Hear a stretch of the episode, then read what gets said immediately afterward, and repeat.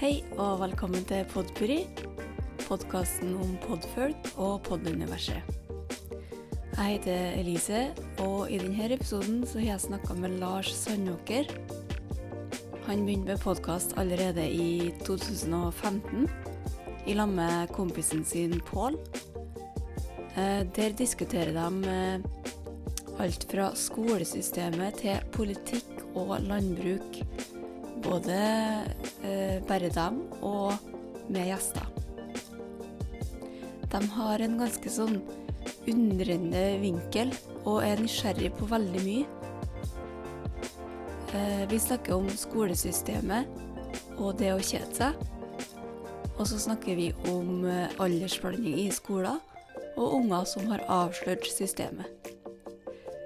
Lars har blitt mer eh, bevisst på egne meninger gjennom podkast, og han har faktisk blitt mer avslappa i forhold til å dele sine synspunkter i podkast. Det her og mer får du i denne episoden av Podpri. God høring!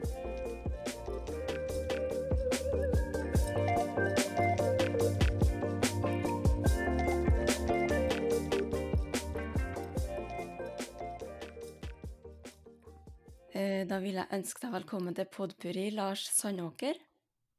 Takk skal du ha. Eh, Du er jo med fra USA. Ja, eh, jeg er med ni timer bak dere, så her er det tidlig på morgenen fortsatt. Ja. ja. Det er, det er kjempefint at du stiller opp, uh, syns jeg, så tidlig. Eh, Nei, altså det, eh, jeg liker morgeninnspillinger generelt på podkasten, så det er faktisk egentlig ganske passende at jeg kan spille inn tidlig på morgenen her, mens andre i Norge sitter på, ettermiddagen. Ettermiddagen er for meg litt sånn dårlig tid å spille, jeg er begynner å bli litt trøtt, og, så dette er egentlig ideelt. Ja, du er sånn A-menneske som funker best på morgenen. Til visse ting, iallfall. Det sånn, sånn det her, så er sånn Ja. Hjernen er fortsatt ikke fylt opp med alt mulig rart fra dagen, så det Ja, jeg liker det. Ja. ja men det er bra. Eh, Du har jo en podkast sammen med din makker Pål, mm. um, som heter Lars og Pål. Ja. Um, Kan du fortelle litt om deg sjøl og hvorfor du ville lage podkast? Ja. Um, jeg og Pål har jo kjent hverandre siden vi var uh, null år gamle. Han er ett år eldre enn meg, da, men jeg ble kjent med han da jeg var fire måneder gammel. Hvis barn som er fire måneder gamle, blir kjent med noen, så, så flytta vi eh, i nabohuset deres, og så har vi hengt sammen siden den tid. eh, og gjort alt mulig rart sammen. Så, ja, så vi kjenner hverandre temmelig godt. Um, og i 2014 da, så hadde vi begge hørt på podkast noen år, og um, en eller annen grunn så fant vi ut at vi skulle prøve å lage podkast sjøl. Jeg husker ikke helt hva vi snakka om da, men vi bestemte oss iallfall for å prøve å spille inn podkast. Så Mm. uh, vi begynte vel i senhøstes 2014, og så la vi ut første episode ja, midt i 2015, da, etter å ha lekt litt med teknologi og testa litt og gjort et par prøveepisoder. Det var, det var smart. Dere gikk, for, dere gikk for å prøve litt først. Det, Ja. Den strategien har ikke jeg hatt. Så det var sikkert lurt å prøve litt først. Jeg vet ikke, altså ehm, Jeg tror vi la ut vi, vi la vel ut en av de tidligste innspillingene som første episoden, faktisk. da, så Det var ikke at vi ble så jækla mye bedre på et halvt år, men, Mm. men eh, vi bare hadde litt sånn avslappa forhold til når dette måtte ut, da. Eh, Ja. Så det var greit. Og eh, definitivt et par ting vi spilte inn som ikke la ut, og vi har spilt inn et par ting senere som vi også har valgt å ikke legge ut, men, men det er jo podkastformatet er jo litt sånn tilgivende for liksom Det er mye rart som ligger der ute, så man skal ikke liksom være for Eh, streng med seg, streng med seg sjøl heller. Eh, og så blir man jo Husker noen som skrev i starten at et sånn tilbakemelding vi fikk, at når det kommer til episode 50, så begynner det sikkert å bli bra. Mm. Og jeg vet ikke, nå er vi over 100, så jeg vet ikke om den lytteren Ja. syns at vi er blitt bedre. Jo, men du må jo få litt eh, eh, erfaring før du Du kan ikke være bra på f- andre forsøk, liksom. Nei, nei, nei. nei. Og det, det er en ting man får litt sånn avslappa forhold til eh, av å lage podkast. Det er jo bare å sitte og høre time etter time med seg sjøl og redigere lydfilene, gjør jo at man blir litt sånn man blir smertelig bevisst alt man gjør mye dårligere enn man håper på, da. Sånn at um, det har vært um, en sånn ikke- ja, Det er ikke ydmykende, men det er, man blir ydmyk av å, å, si, å høre seg sjøl og alt det sprøytet man klarer å si, og alle disse fyllorda man slenger inn hele tiden. Uh, og liksom Når man hører for hundre gang 'liksom' i løpet av en time, så blir man liksom bare liksom sår i øra. Men, uh, men, uh, men det har vært veldig fint, og det har vært en lærerik prosess, da. Det er jo veldig mye skole, skoletema i podkasten deres. Mm, For eh, du er jo lektor, mm. og Pål er lektor, han òg. Ja, altså han, han, er ikke, han er ikke lektor, han er, eh, han er bakgrunn i idretts, eh, på idrettshøyskolen da, med idrett og trening og ernæring. Så han underviser kommende kroppsøvingslærere i kroppsøving og i fysiologi og i idrett og sånt. Mm. Så han har jo mye med skole og læring å gjøre, men han er ikke lærer sjøl. Men eh, ja, så, okay. så vi er jo veldig opptatt av temaet rundt læring. Det var aldri planen å lage en skolepodkast. Det er fortsatt ikke en skolepodkast. Og iblant så slenger vi med et, helt annet tema bare for å si, understreke det litt. Men fra starten så var det jo liksom nysgjerrighet, og så var det en episode om fyrtårn av alle ting. Og så var det episode om rollespill. Og, så vi har sånn hoppa innom alt mulig rart. Og det er liksom litt av prinsippet i podkasten er vel bare at vi snakker om veien vi finner på å snakke om. Uh, og eh, Mm. det er vel sånn markedsføringsmessig litt sånn dårlige triks, for liksom, du får ikke sånn uh, Man kan ikke markedsføre seg som en skolepodkast eller som en fyrtårnpodkast. Det er liksom bare uh, Folk vet kanskje ikke helt hva de får, kan men jo det, men ja. Men ja. Men eh, eh, Ja, dere snakker jo om mye forskjellig, men eh, veldig mye skole. Og da tenkte jeg Mm. å høre litt med deg om Du kan jo dette og har mye erfaring, så Mm, jeg opplever i dag at skole og livet utom skole Mm. ikke samsvares så godt. Men det kan være meg som ikke som, som ikke er oppdatert på hvordan skolen fungerer i dag, men, men eksempel Og nå snakker jo jeg kanskje mer om studenter, da, men mm. du lærer ikke Ting du lærer på skolen, føler ikke jeg er så relevant. Mm. Men uh, hva tenker du om det? Jeg, jeg er helt enig i det at um, jeg tror ikke skolen har forandra seg så mye heller siden du gikk på skolen. Sånn at uh, Mm. um, det er nok helt sant at det, det er mye som ikke er så relevant. Og uh, ja, altså du har hørt noen episoder om skole, og vi, vi, er, no, vi er veldig kritiske, da. Ikke det for at vi er liksom rivende hele skiten, sånn som man ville sagt på, Mm. på Uffa i Trondheim, men uh, uh, Men mer det Altså det er mer det at uh, jeg jeg er liksom misfornøyd med at vi ikke ser behovet for å forsøke flere ting. Da, for at det, eh, barn har jo rett til utdanning, og det er jo en god rettighet. Men rett til utdanning er kanskje den eneste retten som jeg, i praksis er en tvang. da, i en forstand liksom, du, du får ikke liksom retten til å til å nødvendigvis trives og ha det godt og liksom virkelig For veldig mange barn, dessverre, mistrives jo sterkt i skolen. Noen så sterkt at de liksom Mm. får utvikle skolevegring, og det er noe som på en måte er veldig fokus på i dag. Det er mange barn som ikke har det bra, og um, vi har heldigvis liksom Montessori-skoler som jeg kjenner godt, da, men og også hjemmeundervisning og den slags, som gjør at det finnes noen sikkerhetsventiler hvor barn som av forskjellige grunner ikke har det bra i skolen, kan dra.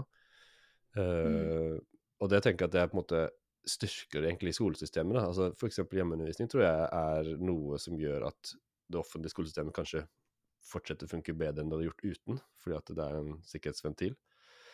Men jeg er litt misfornøyd med at vi ikke forsøker mer å liksom gi folk som er interessert i å, å teste ut litt For det finnes jo alternative pedagogikker og folk som har gjort andre ting rundt om i verden som vi kunne lært av, som vi kunne testa ut i en norsk kontekst, med Mm. gratisprinsipp, norsk, med liksom, mm, og, og gjort liksom noen små skoleeksperimenter som kanskje ville fortalt oss noe om andre måter å, å la barn være i skolen på, eller gi barn en annen type oppvekst, som faktisk ville gjort Mm. dem minst like godt i stand til å møte voksenlivet og studielivet. Eh, som vi da på sikt kunne liksom brukt for å justere visse ting i hvordan, hvordan vi gjør det i skolen. Da. For jeg er, helt sikkert, jeg er helt sikker på at du har rett i at det er mye som gjøres i skolen som ikke er så relevant, og det er veldig mange som kommer ut i studiene og i arbeidslivet og tenker jøss, jeg brukte så mye tid på skolen, og så føles det så lite relevant mye av det. da. Jeg har snakka med flere som er sånn Ja, føler du at du får bruk for det du lærte deg på studiet, liksom? Nei. Mhm. Når jeg begynte i arbeidslivet, så var det helt fra scratch. Mm. Det er liksom Og da tenker jeg, hva er det vi Hvorfor fortsetter vi sånn? Mm. Mm. Hvor er liksom Vi må, vi må jo gjøre noe annet. Ja, Det- Ja, og det, det er veldig rart, for det er jo det er utrolig vanlig tanke, det, du, det der. da. Altså, det er veldig mange, Hvis du spør dem hvordan hadde du på skolen, hva lærte du, så er det sånne ting.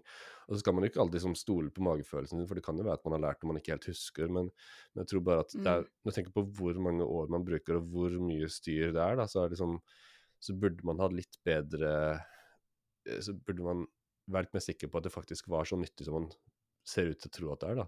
Så altså, Ja. jeg husker jo mm, Jeg hadde gått på folkehøyskole etter videregående, for jeg gikk på yrkesfag på videregående fordi at jeg var uh, gørrlei av skolen og tok uh, kokkefag, og syntes det var helt supert, Mm. for da kunne jeg liksom og en sjenert eh, liten gutt, og jeg syntes det var veldig gøy å stå på kjøkkenet og lage mat, for da var det lett å prate med folk, da. Så jeg syntes at eh, Ja. yrkesfag var helt supert for min del. Jeg ville garantert valgt det samme igjen hvis jeg måtte velge på nytt. Fordi at eh, Mm. Etter ungdomsskolen så var jeg bare litt lei av vanlig skole. Og så gikk jeg på eh, folkehøyskole, og da fikk jeg først som Kanskje det mest verdifulle med folkehøyskolen var at jeg kasta bort utrolig mye tid fordi at jeg ikke måtte gjøre noe som helst. Eh, Jeg gikk på Trøndertun, da, like sør for Trondheim, på Ja, ja. musikklinje. Eh, og uh, jeg kasta nok bort mye av det året på å ikke, ikke gjøre så veldig mye. Men det var egentlig en veldig fin leksjon, fordi at da når jeg kom ut derfra, så var jeg liksom sur på meg sjøl fordi at jeg, hvorfor brukte jeg ikke den muligheten bedre? Og det ble liksom sittende, da, sånn der eh, Ting blir litt hva man gjør det til. Og eh, Mm. så etterpå så hadde jeg nok litt mer holdningen at jeg liksom Nå skal jeg prøve å gripe de sjansene litt sjøl. Men jeg trengte på en måte Mm. den, eh, det året med, med å kaste bort litt tid for å skjønne det. Og så, og så jobba jeg et år før jeg begynte å studere, hvor jeg bare jobba som renholder på St. Olavs hospital eh, i Trondheim. Ah. Og eh, kjempefin jobb for en uh, ung gutt som spiller i band og, og Ja. suller rundt med kamerater, liksom. Og, og ha en jobb som er ansvar, og treffe folk som du ikke ville truffet ellers. og jeg tror det Mm. var ganske sunt for meg å, å, å ha en sånn type jobb.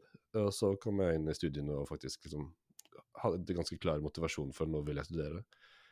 Så jeg føler at Ja. de to åra der var mye mer nyttige for studieforberedende enn skolegangen tidligere. Ja, det er veldig interessant. Eh, Jeg tror det er veldig undervurdert, og det å ikke ha en, et pensum å følge, liksom. Mm, Det mm. å faktisk uh, uh, ha uh, tid til å kjede seg. Mm, ja. Så Ja, nei, det der er kjempe, kjepphest for meg, liksom. Jeg tror at uh, hvis du kunne gitt barn Altså, Du kan også si at noen barn er kanskje for, for unge til å virkelig skjønne hva de går glipp av. liksom, sånn at Hvis du gir dem masse tid til å kjede seg når de er små, så vil de ikke få den samme leksjonen som det jeg fikk når jeg var 19 år gammel. da, Men, men jeg tror det er uh, Vi kunne ha tjent på å faktisk bare gi barn litt mer frihet til å drive på med litt mer hva de har lyst til. og sånt, For det, det er en del lærdom i det også. Og særlig i dag hvor Mm. så mange barn har ikke bare mye skoletid på skolen, men det er også liksom mye programmert tid etter skolen, da, med aktiviteter. Mm. Og, at det er liten tid for å kjede seg eller bare gjøre egne ting. Og det er noe med Jeg vet det sjøl for min egen barndom, liksom hvor mye av det man gjorde som kom ut av at man ikke helt visste hva man skulle gjøre, så bare hang man, og så plutselig så kom man på noe. Så liksom, Ja. du trenger den der mellomrommet da, mellom, mellom sånn programmerte og liksom den fritiden, sånn at du faktisk får tid til å eh, sitte lenge nok til at du kommer på noe. Og jeg var heldig mm, jeg var heldig og drev med ting som rollespill og musikk da jeg var ungdom, som spilte Dungeons and Dragons og den slags type ting, og, og Ja. hadde Du var en hobbyer tidlig gamer. en tidlig gamer. Og eh, Ja. det Hvis engelsken min er god, så er det pga. det. Altså fordi at jeg leste tonnevis av bøker på engelsk eh, om et tema som jeg var lidenskapelig interessert i. Mm. Og det er jo bare flaks, kan du si. Altså, jeg vet ikke hvem jeg på en måte kan takke for at jeg spilte rollespill. Det er jo, kanskje det er litt genetikk, kanskje det er litt sånn uh, tilfeldigheter. altså.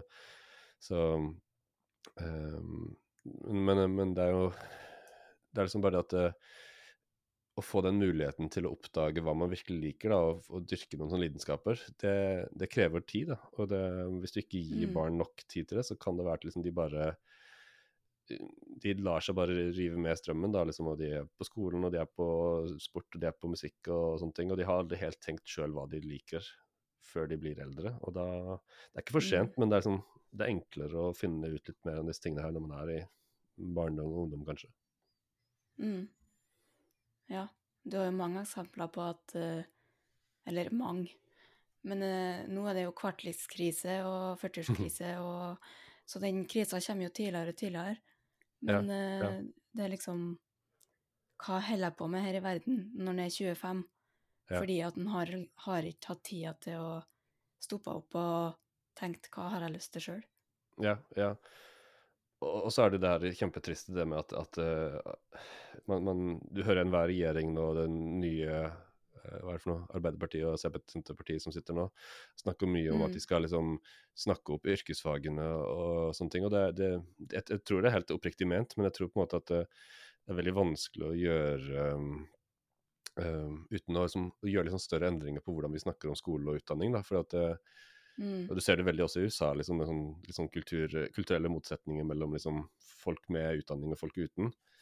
Eh, og, eh, men, men det er jo utrolig mange som ville hatt veldig godt av å ikke ta studieforberedende. Og så kan de jo alltid gjerne ta studieforberedende fag senere hvis de skulle finne ut at de har lyst til å studere, men jeg tror at veldig mange som, Mm. sånn som jeg gjorde, at eh, å ta yrkesfag og drive med praktiske ting i 15-16-årsalderen hadde nok vært veldig bra for mange. For at det, det gir en sånn Mm. Altså, å drive med praktiske ting er meningsfullt på en litt annen måte enn det å drive med type studier som man gjør på videregående, eh, i, på Mm. studieforberedende. Så, og, og for min del så, så ga det bare sånn rom til liksom å uh, Skal jeg si Tenk. ja, tenk, og ikke minst liksom sosiale evner. Da, for jeg føler veldig at det, å stå på et, stå på et verksted, om du snekrer, eller om du lager mat, eller om du du øver liksom, på hva den øver på yrkesfag, så er det en utrolig fin plass hvor du faktisk har Kroppen din er aktivitet, og så kan man liksom stå og prate, småprate, og det er mye lettere enn å bare sitte overfor en annen person og skulle bare prate og ikke ha noe annet man holder på med på siden. Sånn at jeg syns at det var en sånn Mm. sosial trening, nesten, da, i, i den, i den yrkesfagsaktiviteten. Ja. Ja jeg, skjønte, jeg skjønte ikke det da, men jeg, jeg, jeg har liksom følt på det siden. Uh, og det liksom, føler jeg et ganske sterkt argument for hvorfor eh, praksis og hvorfor sløyd og kunstfag og sånne ting i skolen og alt dette her. Det er ikke bare det at det er viktig å drive med kunst, men også det at når, når du er aktiv med noe som du på en måte samtidig klarer å sitte og tenke og snakke mens du driver på, så er det en avslappende sosial setting. da. Mm. Ja, det er jo kjempebra at du har fått liksom eh, Eller interessant, da, at du ser det nå, hvordan det påvirker deg. Mm, mm. Det, ja. Ja, nei, så, Um. så det, det, det er et problem med liksom Folk skal liksom skynde seg så fælt på liksom å eh, student, eller liksom, eller foreldre ønsker at barna skal gjøre det godt i skolen og liksom fokusere på liksom karakterer og, og prestasjoner på en måte som kanskje undergraver liksom sånn god Jeg vet ikke hva ord man skal bruke på det, men liksom at man lærer seg sjøl å kjenne litt da, og blir liksom trygg i seg sjøl. Og at uh, Mm. mye av det vi gjør i dag, som egentlig virker litt som det motsatte. Ja, for eh, hva tenker du om prøver og sånn, nasjonale tester og sånn, trenger vi jeg, jeg tenker at eh, når det er liksom Ja, hva mener du, trenger vi det? Trenger vi det helt sånn oppriktig i skolesystemet?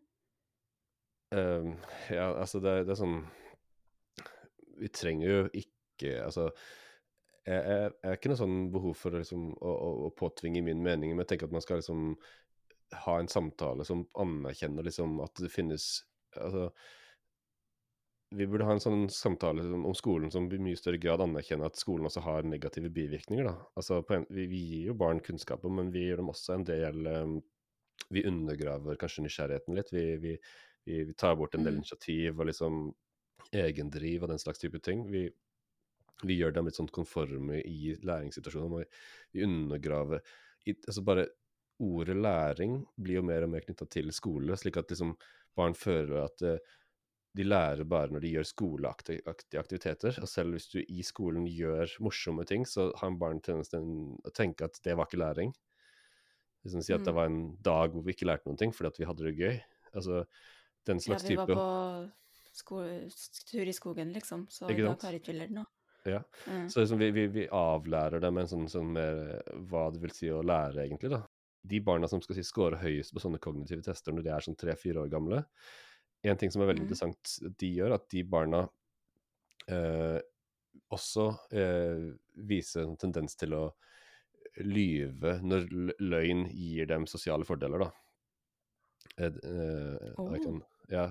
Og det, det, det jeg mener med det, er at eh, du For eksempel, jeg har tatt sånn skikkelig smarte elever i skolen som skal si hater eh, mye av det de gjør på skolen, men de, de innretter seg fordi de skjønner at det beste de kan gjøre her og nå, er ikke å, å, å gjøre det som kanskje føles riktig for dem, men det, fordi de merker at det systemet de er i, er såpass eh, skal si, mektig at de, de har ikke noe her å stå imot med. Slik at eh, det er en slags intelligens i å innrette seg, da, hvis du skjønner hva jeg mener.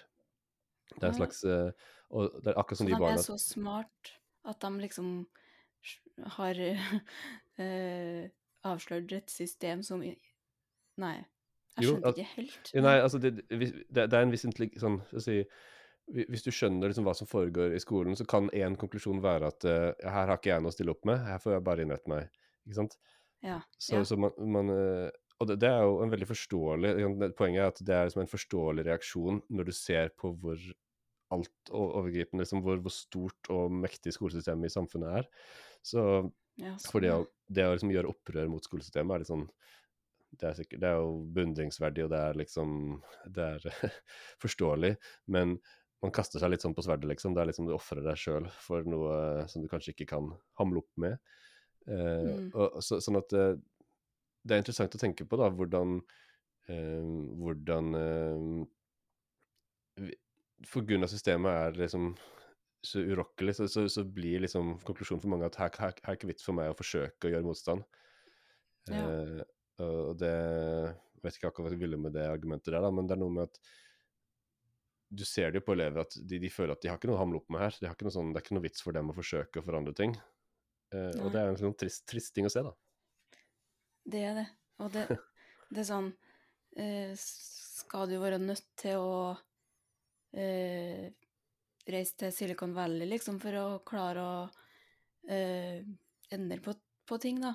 Mm, mm. Uh, eller, eller kan vi endre det der vi er, og innenfra sjøl? Hvis, hvis allerede små unger har begynt å innse at dette går ikke an å endre, jeg må bare Mm. finne meg i det, så er det jo det, Altså, ja, det, det er en trist uh, Trist fakta.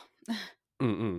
Og, og, og det er litt sånn Jeg skjønner jo på en måte at eh, skal si, skolepolitikere og andre ikke liksom tør å liksom Man er jo alle sånn redde for å si feil, så man skal ikke være Men, men jeg skulle ønske at man hadde en sånn skolesamtale som, som anerkjente, som sagt, da, at, eh, at vi tross alt ikke helt vet om dagens skole egentlig er så god som den burde være, eller, være, eller liksom at vi anerkjenner at vi faktisk liksom For en del barn så er skole en negativ faktor i livet deres, da.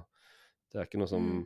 Eh, tenk, Ta matematikk, eksempel. Hvis du er en elev som i løpet av hele tiåra på grunnskolen aldri har fått, uh, fått til matten, og liksom, du har liksom konstant fått skikkelig dårlige karakterer når du begynte å få karakterer, så er det jo åpenbart at den personen har et mer negativt forhold til matte enn den ville hatt om den aldri hadde matte på skolen. Så liksom, Mhm. det, er ikke, det, er ikke en, det er ikke en netto null eh, liksom, eh, effekt på det her, dette er en netto liksom, negativ effekt da, på den personens holdning til mattefaget.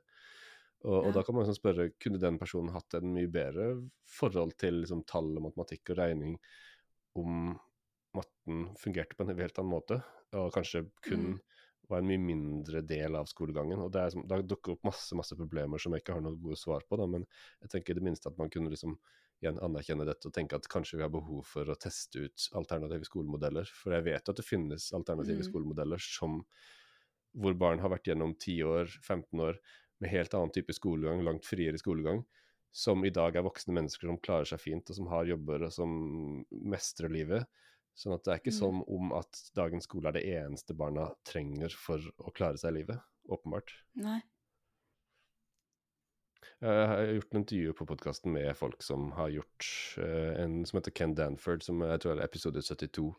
Som er, eh, driver en skole i, på østkysten i USA som har et veldig alternativt uh, tilbud for ungdomsskole og videregående elever. Og han Ah. er veldig, veldig tydelig på at uh, disse barna som Han har gjort der i 25 år og uh, kjenner masse som har vært gjennom det systemet.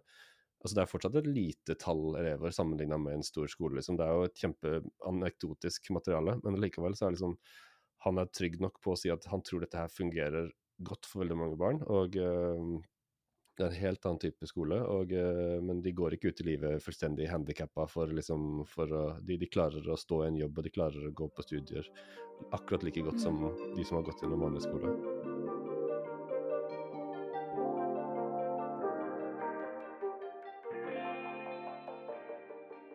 Hvordan fungerer det på der du jobber nå?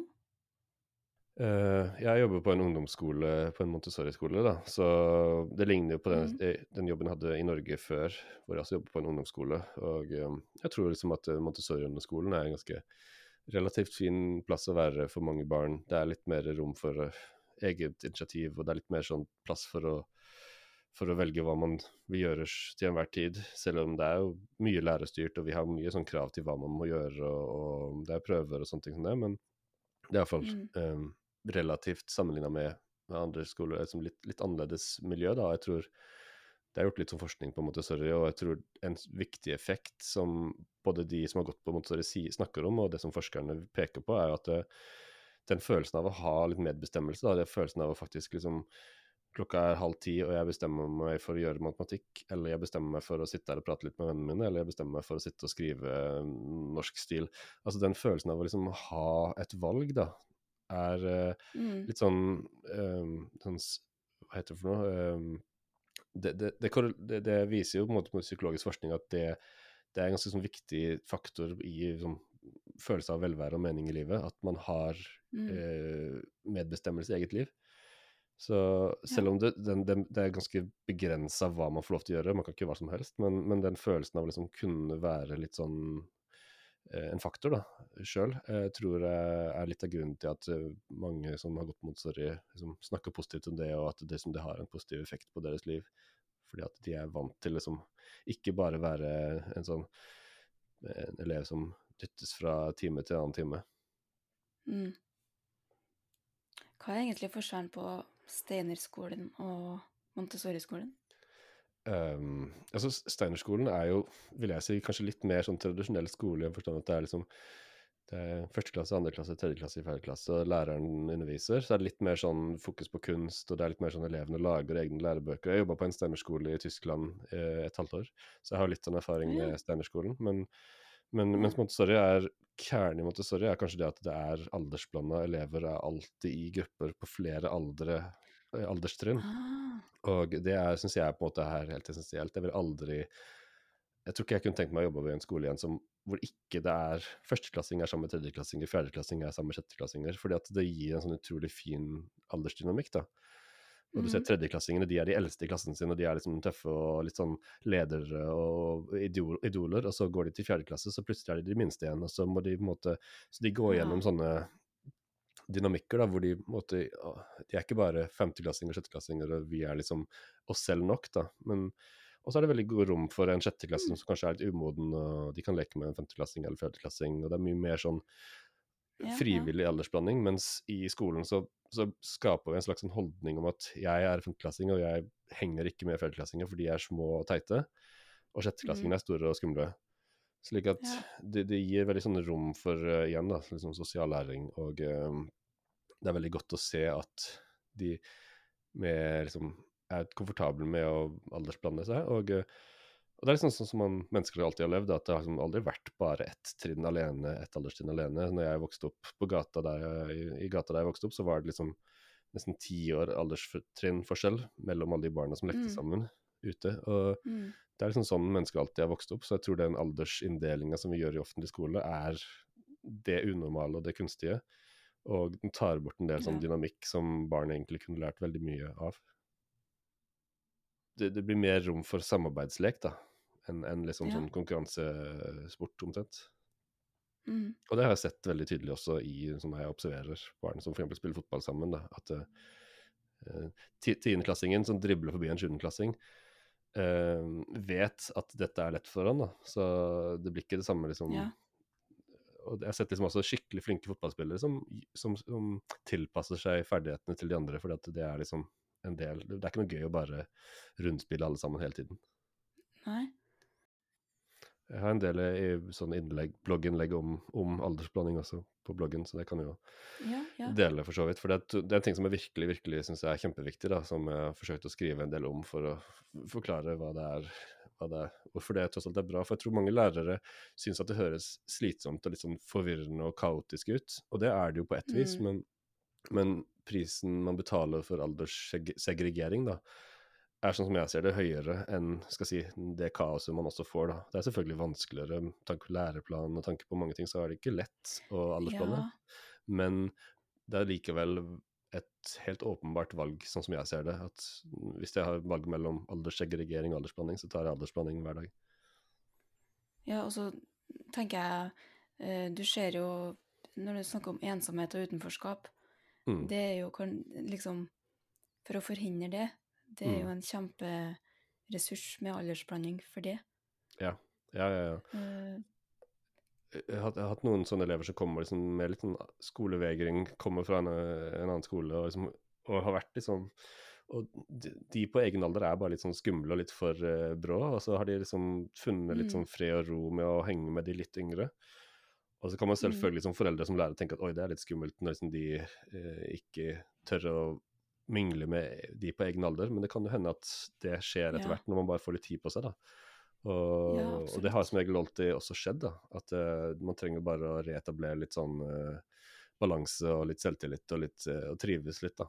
Så, så, så kan man Mm. igjen liksom komme, i, komme på plass og, og tørre å, våge seg frempå. mm. Siden det her er en podkast om podkastere, så tenkte jeg å spørre om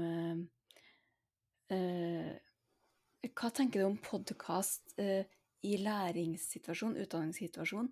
Mm. Um, jeg har jo spilt en del podkaster for elever, eh, og jeg har også hatt elever som lager podkaster. Iblant har jeg fått elever til å lage podkast som en del av undervisninga. Iblant har jeg hatt elever som bare Ah, lager podkast fordi de hadde lyst. Jeg hadde et par elever på skolen min i Norge som starta en podkast. Litt inspirert for at jeg, jeg, jeg laga podkast, og så snakka jeg mye om podkast. Og så, så tok jeg med utstyret, og så lot jeg dem få sitte i gangen og prate, prate skitt. Da. Det var skikkelig sånn tullpratpodkast. hvordan Ja. Eh, men de var overraskende hvordan flinke, opplevde da. de det? Eh, hæ? Ja. Hvordan opplevde de det? Nei, altså, eh, det var litt sånn eh, Det var kjempegøy, jeg, var jo superstolt. Men det var, de var også Ja. Skikkelig flinke. Var sånn, den, den flyten i praten de hadde, var såpass bra at det ble sånn Yes.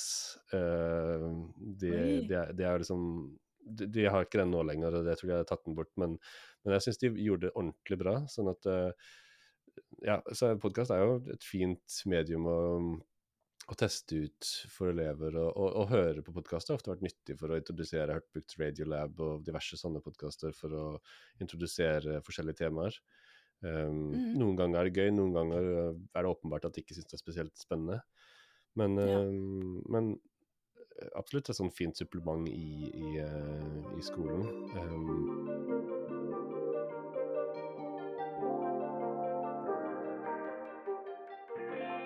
Jeg ser vi har begynt å bruke tida, men eh, er det noe du vil si om podkasten deres som du ikke har fått sagt?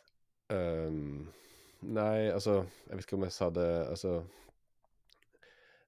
jeg, vil, vil jo på en måte det, det starter så masse podkaster, og det er jo kult, liksom. Det er, det er jo så mange podkaster at det, det er jo helt annen nå, sammenligna med nå enn for sju-åtte år siden, så er det jo uendelig mange. Og eh, jeg, jeg ville jo sagt en Folk som kommer iblant spør om skal jeg starte podkast, og tenker at ja, ja, gjør det, liksom. Man kan jo ikke forvente at man når så veldig mange mennesker. Men det er jo liksom kanskje Altså Eh, det er ikke som blogging, liksom. Det er masse, masse bloggere, og de fleste blir jo ikke lest så mye. For oss er det, hadde vært helt OK om ingen hørte på podkasten vår, for det er fortsatt såpass givende å lage podkast at eh, jeg og Pål hadde laget mm. podkast om den ikke engang ble lagt ut. Fordi at det er ja. gøy. Så selvfølgelig en kjempebonus å faktisk få tilbakemelding fra folk som hører på og sånt. Men, um, men det er såpass mm. lærerikt å bare spille inn egen samtale og høre det tilbake, og uh, innse liksom hvor mye jeg, jeg, tror liksom det å, å høre seg sjøl tenke høyt da, er uh, sunt for en, fordi du innser at uh, man er ikke så jækla smart. da, Og man sier mye rart. og uh, det er liksom, Man blir litt sånn avslappa med tanke på egne meninger og, og uttalelser. slik at jeg, jeg synes at det er kanskje den største effekten podkast har hatt på meg, er at jeg er blitt mye flinkere til å ikke henge meg så opp i egne uttalelser og meninger. da, Og jeg tror jeg er blitt flinkere til å liksom si at ja, vet du hva, det jeg sa nå var skikkelig dumt. Uh, ja, så jeg har en sånn holdning som antageligvis er produsert av podkast, at uh, jeg, jeg, mener ikke det jeg sier, i den forstand at jeg, jeg, er veldig var på at jeg tenker høyt, sånn som jeg gjør akkurat her og nå. Man vet ikke helt hva neste setning er. Og gitt mm. det, da, så, så, så, må man ikke liksom uh, forsvare enhver mening man ytrer seg. Iblant så må man bare liksom innrømme at det man nettopp sa, det argumentet man nettopp kom med, hang ikke helt på greip, eller det var ikke så bra, da, og uh, du har rett, og jeg tok feil. Liksom å ha en sånn, Så det har vært mm. en god øvelse i liksom å ikke, ikke liksom forsvare egne meninger for hardt, da. Uh, og det, det, er egentlig sånn overraskende, ja. men, eh, men og litt av, litt av uh, En viktig faktor tror jeg er nettopp det å sitte og høre på seg sjøl og redigere seg sjøl, at man, man, man, blir var på dette. Okay. Eh, så akkurat det der ja, tenker jeg er sunt. Det, det, det, er en sunn ting med, med podkasting. At du, hvis det er effekten, at du får en sånn ting, så tror jeg det er uh, noe jeg ønsker at flere gjør. Men uh, mm. jeg, vet, jeg, vet, ikke om det er universelt. Men uh, du skulle jo kanskje tro at det var omvendt, at du ble mer sånn redd for å si gæle ting og sånn, mm, mm. når du har en Når du vet at folk hører på. Ja. Men uh, det er interessant at du har annen opplevelse, da. At du ja, er mer det... fri. Ja. En, en podkast som jeg har veldig sansen for, en amerikansk uh, De har holdt på lenge, uh, Very Bad Wizards. Det er en psykolog og en filosof som snakker sammen. Og de er sånn ja. ganske, kjent for å være ganske sånn mye drøye vitser og litt sånn tøysete. Men de er veldig sånn seriøse på temaene sine, men de, de snakker om masse piss. Og uh, det som er fint, at det er, det er, det er noe frigjørende med å, å, å, liksom Å ikke Så fort du har på en måte akseptert at vi er de vi er, vi er liksom akkurat så dårlig humor som vi har, og vi er liksom Vi er, vi er ikke noen sånn polerte typer i det hele tatt. Så blir det også litt sånn mm. Alle vet at du kommer iblant med en dårlig vits, eller alle vet at du kommer med iblant med et, et argument som kanskje liksom Som ikke funker så bra som du hadde håpa på, da. Og det er noe med at mm. Så hvis det har blitt en del av identiteten din, så er det også mye lettere liksom ikke gremmes så fælt da, hvis du sier noe som ikke var, var så bra. Så ja. å skape en identitet liksom, i podkasten eller som, som, person generelt, at liksom at uh, du har fullstendig aksept for alle dine egne liksom, svakere sider, eller liksom ikke langt ifra perfekte aspekter, det, det, er liksom Det gjør det da lettere å, å ikke liksom eh, ikke bli så brydd, da, når man ikke liksom lever opp til det man skulle ønske at man var. Mm. Det er jo bare en uh, kjempebonus. ja, det er det. Absolutt. Ja. Uh, nei, men du, da vil jeg bare si takk for at du kom og var gjest i Podpuri. Det var kjempetrivelig. Jo, nei, men uh, supert. Uh, tusen takk for uh, praten. Det er alltid gøy å bare uh, Podkast er jo litt sånn, sånn eksperiment, eksperimentelt medium for samtaler, så det å ha nye samtaler syns jeg er kjempegøy. Så takk for muligheten.